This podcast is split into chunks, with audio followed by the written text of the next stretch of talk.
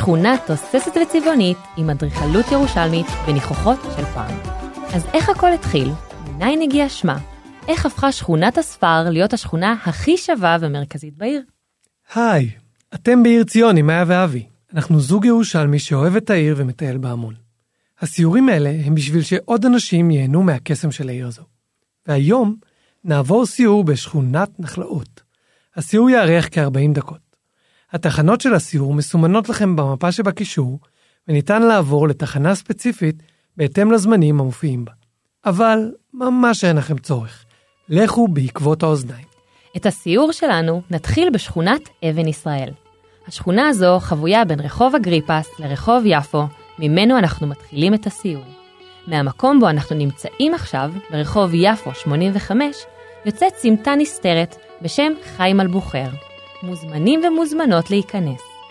אלבוחר היה מחנך ירושלמי אהוב, שלימד עשרות שנים בבית היתומים הספרדי הסמוך, ולכן זכה לרחוב על שמו.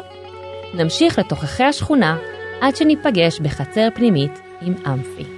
אמי פתחי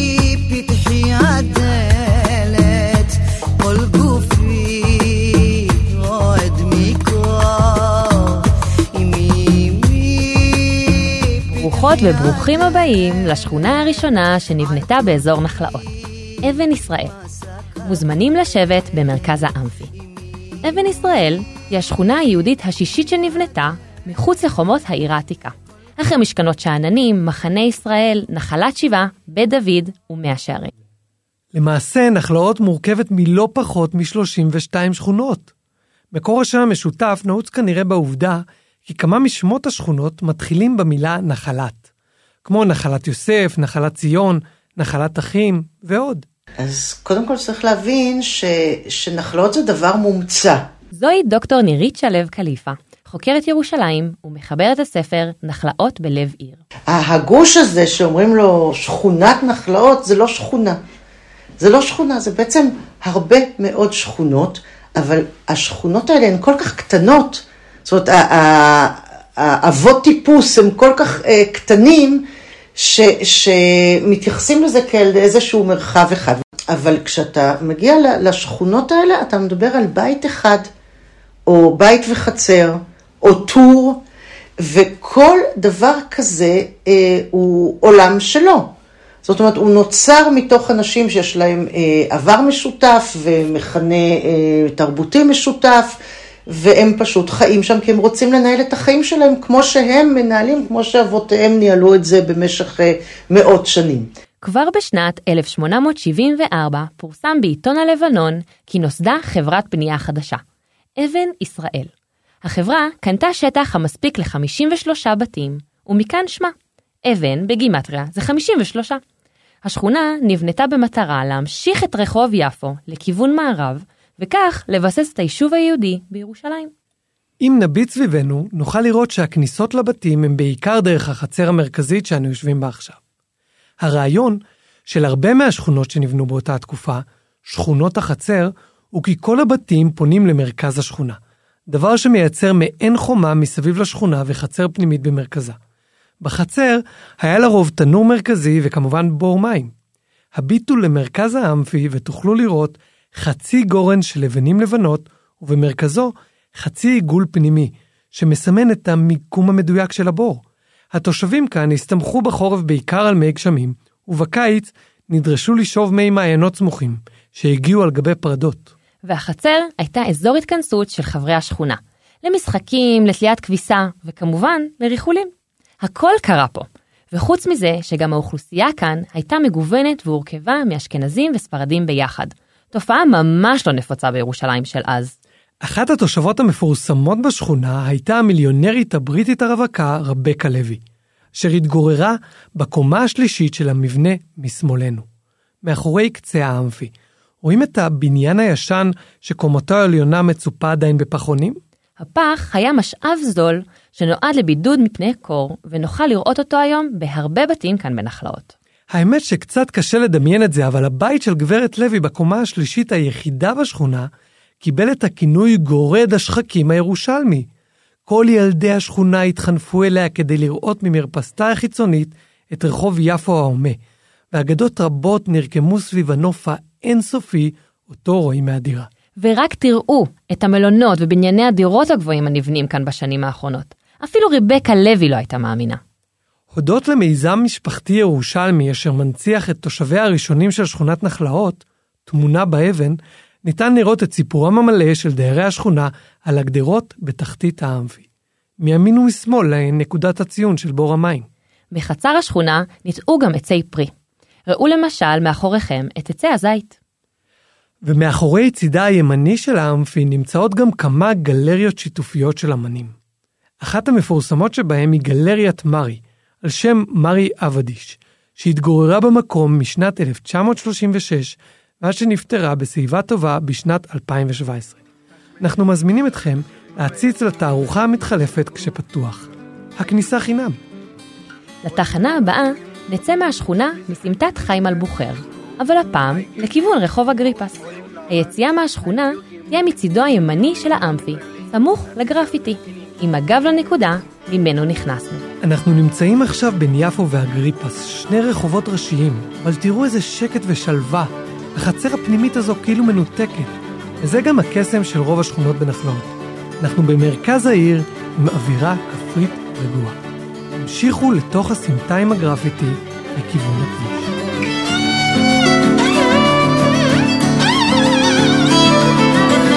לפני כמה זמן אמרו עוד... אה, נביט מעלינו לקשת הלבנים היפה, שהושפעה מהאדריכלות העות'מאנית. נצא משכונת אבן ישראל לרחוב אגריפס. אנחנו ממשיכים לשכונה הבאה שנמצאת מעבר לכביש. נעקוף את הכיכר משמאל ונחצה את הכביש במעבר החצייה. הכיכר קרויה על שם הרב יעקב ברוך, איש ציבור מוועד העדה הספרדית בירושלים.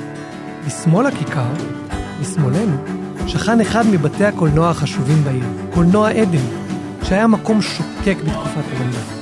בשנות ה-90 נסגר הקולנוע, וכיום נבנים בו מגדלים חדשים שהולכים לשנות את קו הנוף העירוני. נחצה את הכביש במעבר החצייה ונעלה לרחוב הגן. do something good,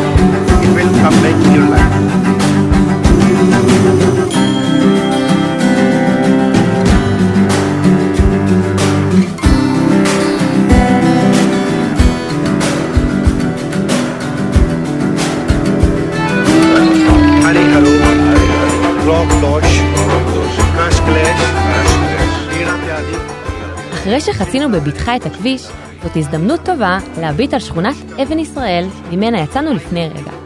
נביט על הבנייה הנמוכה והמתווה המרובע שלה, שנסוב סביב החצר המרכזית בה היינו. נמשיך לעלות ברחוב אגריפס. הרחוב נקרא בעבר דרך דיר יאסין, על שמו של הכפר אליו הוביל. שרידי כפר זה נמצאים כיום באזור שכונת גבעת שאול, לא רחוק מהכניסה לעיר. לאחר קום המדינה שונה השם לרחוב אגריפס הראשון, על שם נכדו של הורדוס, שבנה את החומה השלישית של ירושלים. נמשיך במעלה רחוב אגריפס עד שנפגוש את רחוב סוכת שלום משמאלנו. do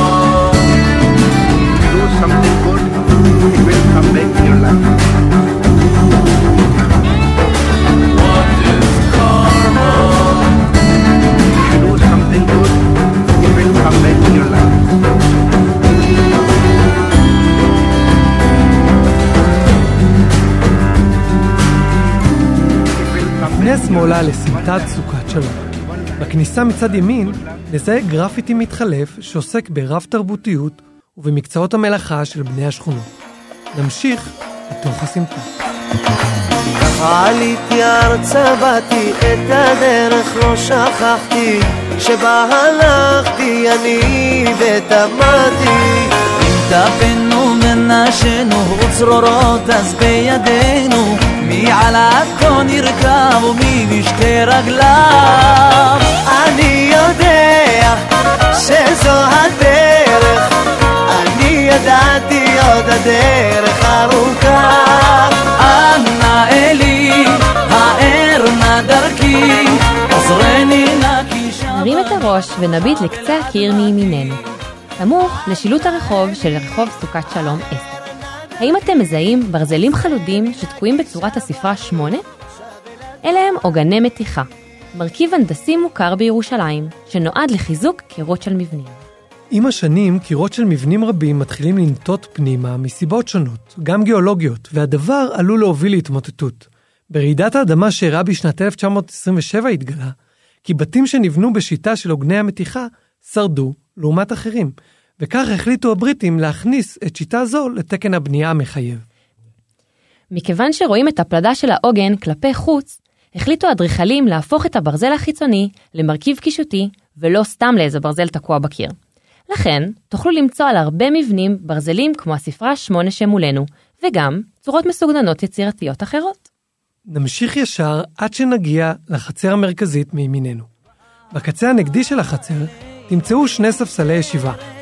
מוזמנים להתיישב ולעמוד בסמוך אליהם, בטרם נמשיך את הסיור. אני ידעתי עוד הדרך ארוכה אנא אלי, האר נא דרכי, עוזרני נא כי שב אני, שב אל אדמתי. אנא אלי, האר נא דרכי עוזרני נא כי שב אני שב אל אדמה נכנסנו עכשיו לשכונת בתי גורל. זוהי תת שכונה בתוך שכונת משכנות ישראל, שנוסדה בשנת 1875. הניסיון המוצלח יחסית של השכונות הראשונות מחוץ לחומות, משך תושבים נוספים מהעיר העתיקה לצאת לשכונות מרווחות יותר. וגם כי הרבה תושבים החלו לרצות לקחת חלק במפעל להרחבת ירושלים. תוכלו לשמוע עוד על היציאה מן החומות בסיור שלנו בהר ציון. הרחבת ירושלים הייתה בשביל רבים גם תפיסה אמונית, כשלב בדרך אל הגאולה. שיתופי הפעולה הובילו להקמת חברות של רכישת קרקעות בתנאים נוחים ובתשלומים לא גבוהים. שכונה זו, בתי גורל, נבנתה עבור תימנים בכספם של נדבנים מלונדון, בהשתדלותו של הרב מרדכי אדלר, בנו של רב העיר לונדון. בטח תהיתם לעצמכם, מה קשור הרב אדלר האשכנזי לתימנים שהגיעו אחרי מסע מפרך לירושלים? העלייה הראשונה של התימנים לארץ הייתה בשנת 1882, כשלוש שנים לפני בניית השכונה. התימנים עלו לארץ חסרי כל וחיו בעוני מחפיר, חלקם אפילו התגוררו בתוך מערות קבורה עתיקות באזור סילואן. מצבם הרע והתנאים הסניטריים הירודים הובילו דווקא את הכנסיות הנוצריות לסייע להם בכסף ובמזון, הן מטעמים הומניטריים והן מטעמים מיסיונריים. רק אז התגייס היישוב הישן לעזרת התימנים בהקמת חברה חדשה עם שם יהודי מבטיח, עזרת נידחים. והרב אדלר החליט לתרום את המיני שכונה הזאת להם. אימא שלי מאוד שמרה עלינו ולא נתנה לנו להסתובב ולהתרועע בשכונה, כיוון שהיו כל מיני עדות, כל מיני טיפוסים. זוהי שושנה דומני באום, תושבת ותיקה אשר גדלה בשכונה. לדוגמה, אם מישהו היה לו אסמסטיק, אז הייתה אומרת לי, זה פרחח. מישהו היה שורק, אז היא אמרה, גם זה פרחח. אין לצאת מהבית, מבית ספר הביתה, מהבית לבית ספר. אז היינו בתוך חצר, וזה היה הבית של אימא שלי, ועוד שני דיירים שגרו שם. שירותים, כמו שסיפרו לכם, קולקטיביים ומקלחות, מקלחת קולקטיבית ומים מהבאר שאבנו כי היה לנו בור שם והיינו מחלקים מים לשכונות שם לכל השכונה מי שבא ו... והיה נעים כשהיינו ילדות קטנות היה מאוד נעים היו באים אלינו הרבה אורחים מצד התימנים כי אבא שלי תימני. אימא שלי לא אהבה את זה. בשכונה נבנו 12 בתים ובית כנסת שכונתי מרכזי. שמה של השכונה מעיד על הדרך בה קיבלו המשפחות את הדירות. בהגרלה. ממש המחיר למשתכן הראשון בארץ. אני לא מכיר אחד שהיה מסרב להשתתף בהגרלה כזאת כיום. גם אני. אבל למעשה נבנו רק 12 דירות, והיו מלא משפחות. לכן נעשתה הגרלה על הדירות, והוסכם שכל כמה זמן המשפחות התחלפו. ותיקי השכונה טוענים כי ההחלפות לא באמת יצאו לפועל. גם כאן אנחנו יכולים לראות את צורת הבנייה האופיינית של שכונת חצר, עם בור מים ותנור מרכזי. כיום אנחנו לא רואים את כל החצר, שכן המבנה המאולתר שמול ספסלי הישיבה נבנה בשלב מאוחר יותר. אבל דמיינו איזה חצר גדולה זאת הייתה. תגידו, רואים את עמודי העץ שניצבים במרכז החצר? מנחשים מה הם? אלו היו עמודים ששימשו לתליית הכביסה של המשפחות. איזה גבוהים הם? העמודים ניצבים בטכניקה מגניבה שאפשרה להוריד ולהעלות אותם באמצעות משיכת חבל. המטרה הייתה שילדים שמשחקים בחצר לא יפילו את הכביסה הנקייה, תחשבו איזה סיוט, להדליק אש, לחמם מים, לרחוץ את הבגדים טוב טוב, שיצאו כל הכתמים, ואחר כך שילדים עוד יפילו את הכביסה? רעיון פשוט וגאוני. נביט עכשיו לבית בתחתית החצר, סמוך לנקודה ממנה נכנסנו. מצליחים לזהות חלון כפול בקומה הראשונה של חזית המבנה? אפשר לראות חלונות כפולים גם בבית הסמוך לשני הספסלים. ככל הנראה, בתקופה העות'מאנית, תשלום המיסים הושפע גם מכמות החלונות הביתיים. ודווקא חלון כפול כזה נחשב לחלון אחד. וכך השפיע פקיד רשות המיסים העות'מאני על האדריכלות הירושלמית. ניכנס עכשיו לסמטת משכנות, הנמצאת בגב לשני הספסלים, ונמשיך ישר עד לסמטה הראשונה שתהיה מימיננו. אני לא יודע לאן אני ממשיך מכאן, פשוט מוכרח ללכת.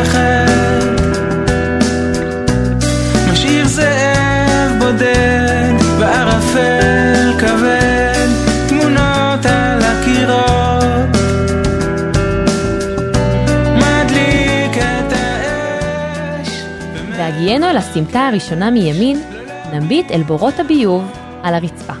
בור ביוב עגול חדש, לצד בור ביוב ישן ומרובע בפינה. מצאתם? עכשיו נביט על הכיתוב באנגלית ובעברית על מכסה הביוב המרובע. מצליחים לקרוא? בית הספר אליאנס. כל ישראל חברים. בית הספר היהודי היצרני זכה במכרז של עיריית ירושלים בסוף המאה ה-19, וכיום נשארו בעיר רק עוד שישה מכסים דומים. שימו לב שמכסה הביוב מרובע, בניגוד למכסים כיום שהפכו לעגולים, כפי שאפשר לראות במכסה ביוב הסמוך. הסיבה לכך היא שגם הילדים של פעם היו שובבים לא קטנים. בזמנם הפנוי הרימו את מכסה הביוב המרובע, העמידו אותו באלכסון והפילו לתוך הביוב המסריח, בעוד כל הילדים בשכונה צוחקים ובורחים.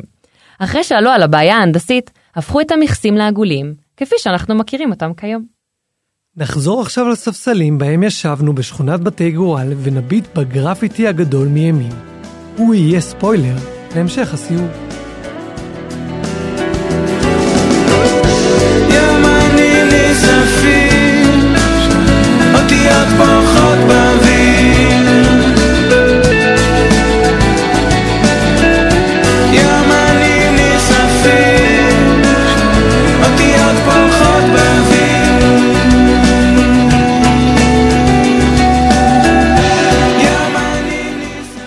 הגרפיטי מימין?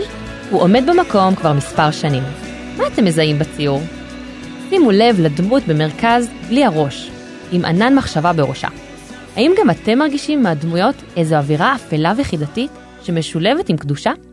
ציור זה הוא מחווה לאדם מיוחד מאוד שנמצא בחלק העליון והימני של הגרפיטי, הרב אריה לוין, והוא מתאר רגע מאוד רגיש בחייו, כאשר השתמש בגורל הגר"א, טקס קבלי קוסמי, לצורך זיהוי החללים של שיירת הל"ה. וזאת, כנראה הסיבה לכל האפלוליות והמסתוריות. היכנסו לסמטת רבי אריה, אשר נמצאת בגבכם, הסמוכה לפינת רחוב משכנות, עד שנגיע לביתו שיהיה מימיננו. למעשה, אנחנו לא יודעים אם זיהוי החללים על פי גורל הגר"א היה מדויק, שכן לא נעשו מאמצים נוספים לאשש את הממצאים בעזרת DNA. אך לבטח הייתה זו נחמה גדולה למשפחות החללים. הרב אריה לוין, שדיוקנו וביתו נמצאים מימיננו עכשיו, עלה ארצה מפולין בשנת 1905 והיה ידוע כאדם צדיק וצנוע מאוד. בתקופת המנדט, הפעילות של המחתרות נתפסה כבלתי חוקית, ולכן כל מי שנתפס בפעילות צבאית נשלח לכלא. כאן, בירושלים, נשלחו הלוחמים לכלא במגרש הרוסים, כלא אסירי המחתרות, שנמצא סמוך לעירייה. הרב אריה לוין היה מגיע כל שבוע לבקר מצורעים או חולי שחפת, וגם את אסירי המחתרות, וכך קיבל את שמו השני, רב האסירים. כשהיה מגיע לבקר את האסירים בימי שבת, היה משנן את כל המסרים שלהם ועובר בית-בית לידע את המשפחות. ביתו שמולנו היה בית פתוח עבורם כאשר שוחררו מהכלא וניסו להתאקלם לחיים שבחוץ. לתחנה הבאה שלנו נמשיך במעלה רבי אריה. הרב אריה לוין הוא גם האחרון שהיה עם לוחמי האצ"ל, מאיר פיינשטיין ומשה ברזני, שעות לפני מועד תלייתם. נחצה עכשיו בזהירות את המפגש עם רחוב שומרון ונמשיך ברחוב רבי אריה. לאחר התפילה התאבדו הלוחמים ברימון שהוסלק בתוך תפוז. יש הטוענים כי הרב אריה העביר את התפוז, שכן לא ידע שיש בתוכו רימון. אך סיפור זה אינו מאומת, והתפוז ככל הנראה הוא עבר, יחד עם דברי מזון נוספים, לתא של הנידונים למוות. רבים מהרחובות כאן נושאים שמות של הרים בארץ ישראל. עכשיו חצינו את רחוב שומרון, וגם רחוב רבי אריה נקרא בעבר רחוב הר גריזים, ושונה לאחר פטירתו. נפנה שמאלה בסמטה הראשונה והצרה מול גן הילדים. זה סיפור איתו ראוי, ילדים לחנך. זה סיפור איתו ראוי, ילדים לחנך. זה סיפור איתו ראוי, ילדים לחנך. זה סיפור ראוי. יום שלישי, 12 במאי, 1992, יוצאת אישה מביתה בירושלים. יום רגיל, סטנדרטי, לא מיוחד. כמו כל הימים. פול ילדים ברחובות, הייתה מיטת מורים. באותה שעה ממש מחבל אליו. משליך סכין מטבח, איתה דקה, שני נערים חפים. הגעתם לרחוב תבור? אכזרי, עוד פיגוע. לאומני. הוא פותח במושג כי אחריו... פנה עכשיו בזהירות ימינה, ומיד שוב שמאלה לרחוב הנציב. הביטו על הבניין הפינתי המאורך, עליו נמצא השלט של רחוב הנציב. זאת השכונה הבאה עליה נדבר.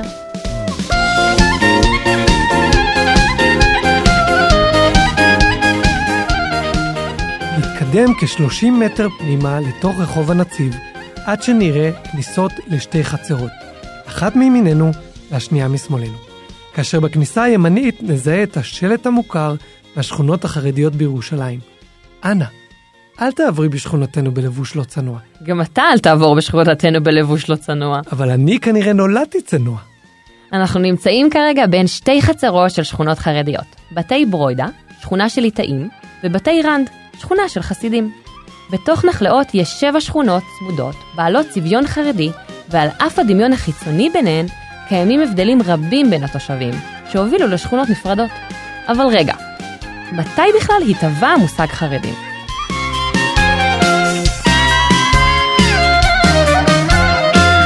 עד לסוף המאה ה-18 התגוררו רוב יהודי אירופה בקהילות מופרדות וניהלו לעצמם משק כלכלי, משפטי ותרבותי עצמאי. אפשר לומר שרוב יהודי אירופה דמו לחרדים של ימינו. עם תחילתה של האמנציפציה במדינות מערב ומרכז אירופה, נחשפו היהודים לעולם החדש והחלו לאמץ לבוש, מנהגים ואורח חיים מודרניים. ההשכלה ושינוי האורח החיים היהודי טלטלו את החברה המסורתית, מכיוון שהיוו אבן דרך משמעותית בתנועת החילון וההתבוללות. המפגש עם המודרנה יצרה לראשונה זרמים יהודים חדשים, כמו למשל התנועה הרפורמית. זרם חדש אחר היה התנועה האולטרה-אורתודוקסית, שאותה ייצג הרב משה סופר. החתם סופר הוביל גישה שמרנית בקרב יהודי הונגריה, שהבסיס שלה היה סגירת היהדות ושימור המסורות העתיקות. וכך בעצם התהווה המושג חרדים, שמקורו בפסוק שמעו דבר אדוני החרדים אל דברו. חרדים לתורה ולמנהגים העתיקים שעתידים להיעלם בעולם החול וההשכלה. החתם סופר חידש את אחד ממטבעות הלשון המוכרים מהמשנה.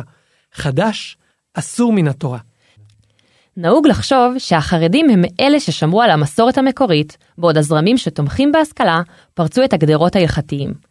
אבל פרופסור אייזנשטט הצביע כבר לפני עשרות שנים על כך שרבנים חרדים הפסיקו למצוא פתרונות לתכתיבי הזמן, בניגוד להקלות ההלכתיות אשר נהגו קודמיהם, וכך יצרו זרם שמרני חדש, האולטרה-אורתודוקסיה. ובתוך הציבור החרדי ישנם זרמים ותתי זרמים שונים, כאשר אחד הבולטים ביניהם הוא ההבדל בין גישת הליטאים המתנגדים לבין גישת החסידים, שהלכה והתהוותה במהלך המאה ה-18, ומזוהה עם הבעל שם טוב. גישה זו התפתחה במקביל לעלייתה של תורת הקבלה בצפת. הבעל שם טוב שם הרבה דגש על מיסטיקה וחיבור אישי רגשי, שחרג מהקפדנות והשמרנות הדתית הנוהגת. לכולם זכות שווה בדת שלהם. אין דרך אחת לפנות לאלוהים. התבססותה של התנועה החסידית הובילה למשבר ביהדות אירופה, כאשר בראשם של המתנגדים ניצב הגאון מווילנה. הגר"א טען כי החסידות מעוותת את המקור היהודי והופכת את היהדות למשיחית ופופוליסטית. תפיסתו פיתחה את הזרם החרדי הליטאי. המתנגדים. מתנגדים למי אתם שואלים? לחסידות כמובן. וזה מתחבר בדיוק לנקודה בה אנחנו עומדים עכשיו, בין שתי החצרות, בית ברוידה ובתי רנד. ברוידה, עם השלט של הצניעות, היא חצר ליטאית, ורנד היא חצר של חסידים. לרוב ניתן לראות בחצרות ילדים חרדים משחקים, נשים תולות כביסה, ובחגים זה מקום מצוין לראות סוכות צפופות ומהודרות מעץ, או חנוכיות שמן דולקות לעת ערב. בחצר רנד ניתן לראות גם מדרגות קשת, מוטיב אדריכלי שנוכל לראות גם בשכונת בתי הונגרים ומאה שערים. אתם מוזמנים להיכנס לחצרות, אך תוך כיבוד רצונם של התושבים, באופן עצמאי ובלבוש צנוע. נחזור עכשיו חזרה לרחוב תבור ממנו הגענו ונפנה שמאלה. אז איך מזהים מי חסיד ומי ליטאי? בעיקרון יש תורה שלמה של לבוש, ממש כמו בצבא. הנה כמה כלים בסיסיים לזיהוי חיצוני פשטני בין חסידים לליטאים. אצל ליטאים, באופן כללי, הג'קט של הגברים קצר ומגיע עד המותן, לעומת הג'קט החסידי, הארוך, שמגיע עד הברכיים. לחסידים, פאות ארוכות ומסולסלות, בעוד שהליטאים לא ממש מעריכים פאות. ואם כן, הן קצרות ומובאות מאחורי האוזניים. ויש גם הבדלי לבוש בין סוגי חסידים, אבל זה כבר לסיור אחר. נעצור בפינת הרחובות הקרובה, התבור ומזכרת משה.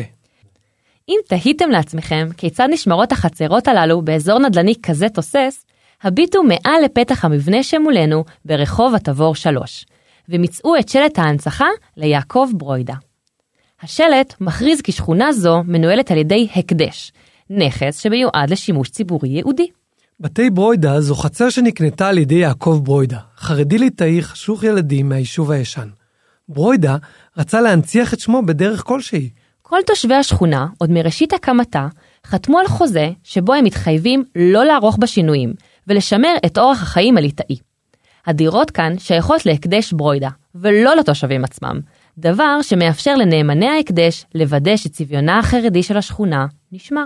ושווי השכונה הזאת לדוגמה הוא כמעט מיליארד שקל. זהו נתון היסטרי. בשל כך, בשנים האחרונות נעשו עסקאות נדל"ן מפוקפקות מאוד בין הקדשים ליזמים, אשר חלקן מתבררות בבית המשפט וחלקם אולי לא יתגלו לעולם.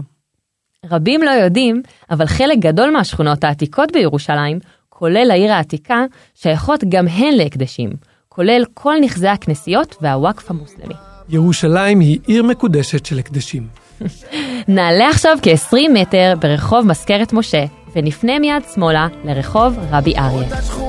אותו רחוב, תריס ארבנים של יעקב, אוספים ביחד נדודים, בתוך תרמיל. פנה שמאלה לרחוב רבי אריה.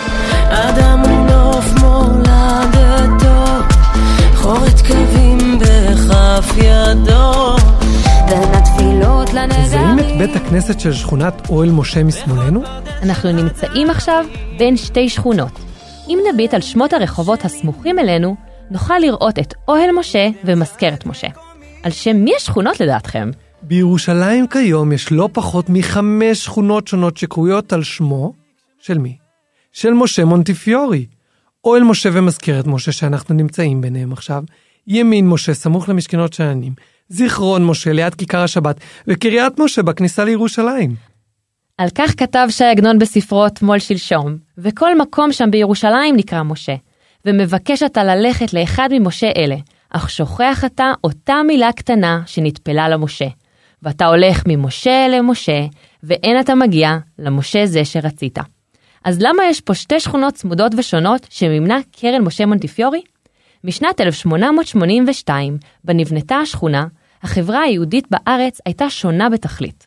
אשכנזים וספרדים היו כמו שמן ומים, ולתת להם לגור ביחד זה מה שנקרא היום ביג נו נו. למעט חריגים. השכונה הזו, מזכרת משה, נבנתה עבור יהודים אשכנזים. כעבור שנה גם הספרדים רצו שכונה, והוחלט להשקיע כסף נוסף מצד הקרן, בכדי לא לערער חלילה את המרקם החברתי-תרבותי של כל אחת מהשכונות. מזכרת משה ואוהל משה הן דוגמה נהדרת לאיך דברים אה, מתחילים. אה, ואיך הדברים גם אה, מבטאים את העידן החדש. זוהי שוב דוקטור נירית שלו קליפה. הספרדים והאשכנזים בוחנים אחד את השני ב, מאוד בחשדנות. כל אחד חי את החיים שלו, והאשכנזים בוער בהם יותר לצאת מן החומות. אה, הם יקימו אה, שכונות שהן שכונות של התארגנות לפי הכוללים, לפי הצורה שהייתה להם. אה, אצל הספרדים זה יהיה יותר יזמות.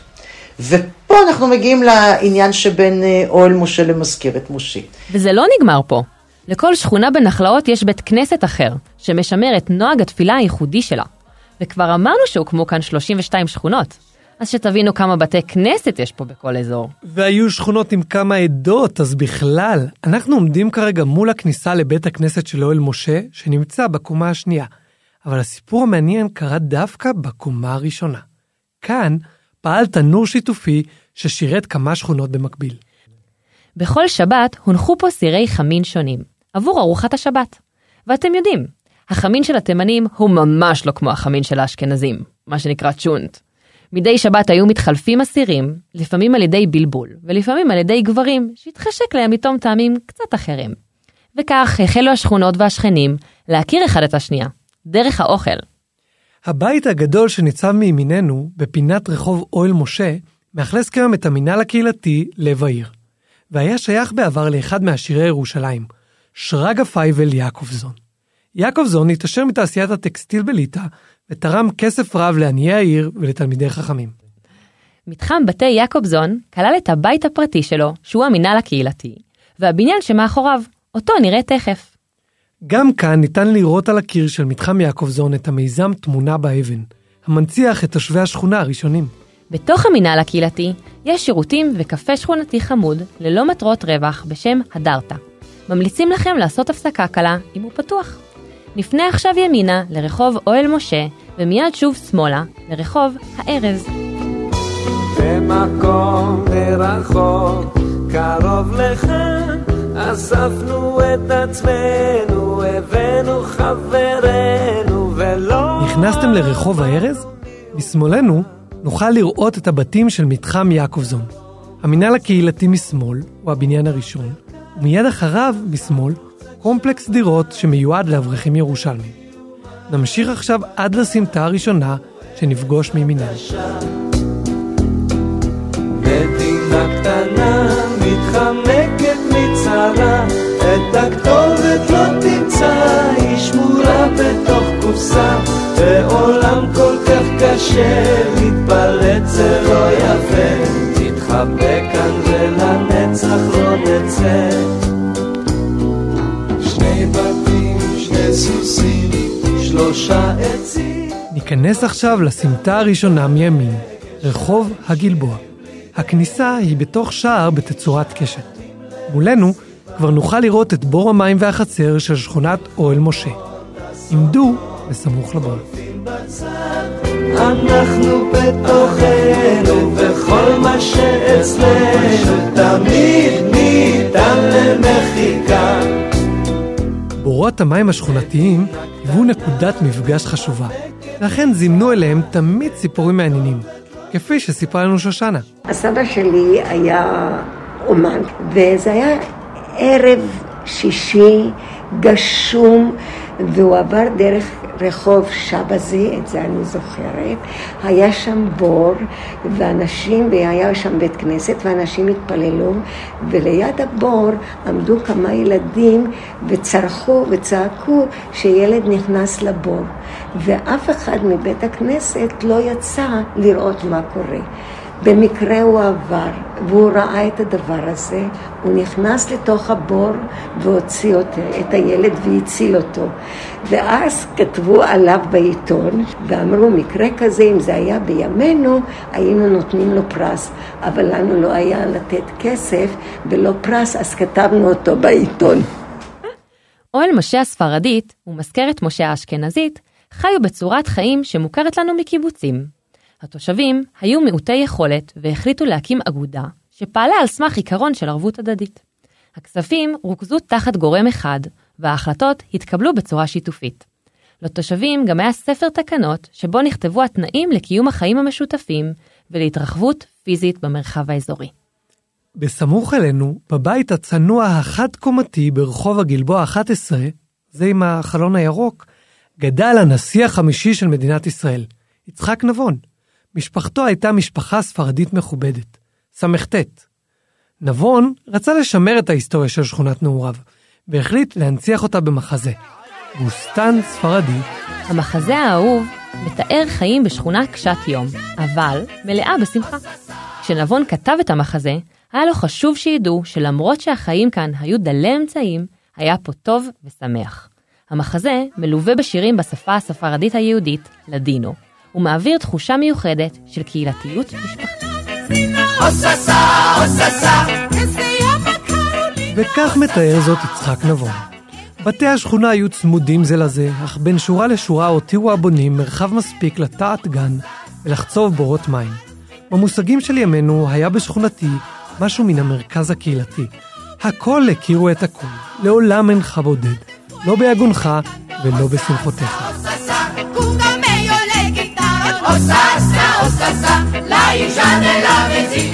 על אף שהמחזה עסק במשפחות שוליים בחברה הספרדית בירושלים, זאת ההצגה האהובה והנצפית ביותר בישראל, מאז ומעולם, ומוצגת ברצף עד היום. נעבור עכשיו לתחנה האחרונה שלנו בסיור, גן התות. נמשיך פנימה לרחוב הגלבוע. שימו לב איך הופכים המבנים הראויים מבוסתן ספרדי לבנייני בוטיק יוקרתיים. זהו ללא ספק טוויסט היסטורי בעלילה של המחזה.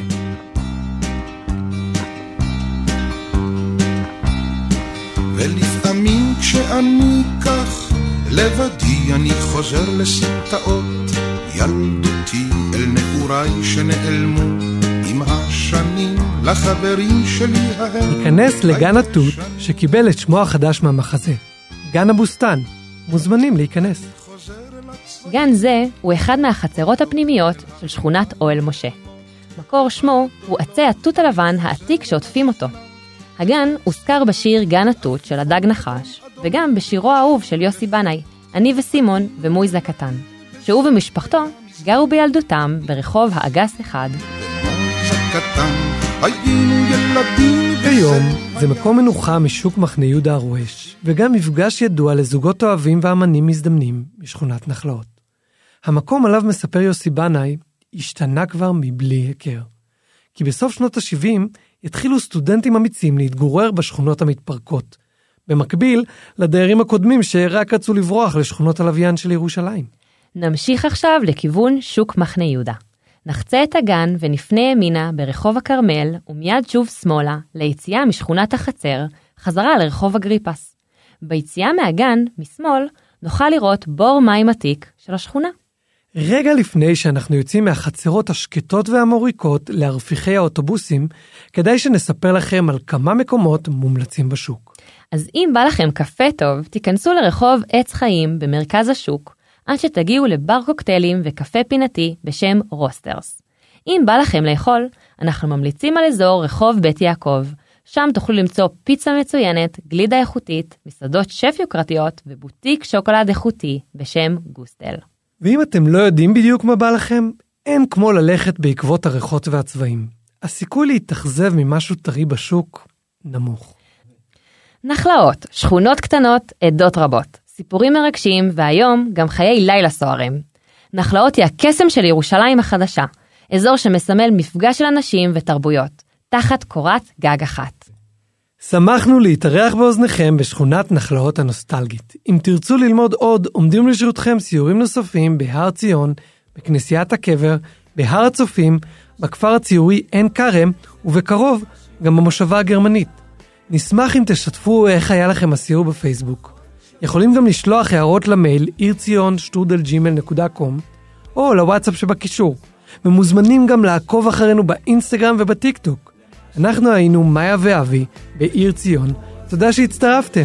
יש לי שיר מושלם לסיים איתו. יאללה.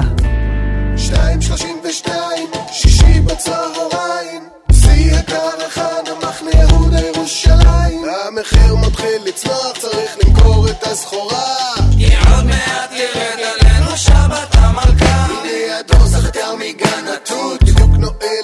החנות, את המפתחות מכניס לכיס. אז יום ראשון בבוקר יישאר סגור התריס. ישיר בחוץ את כל המחשבות על תכלס. אופס, נקרא לי החוט מה... ומה... שם!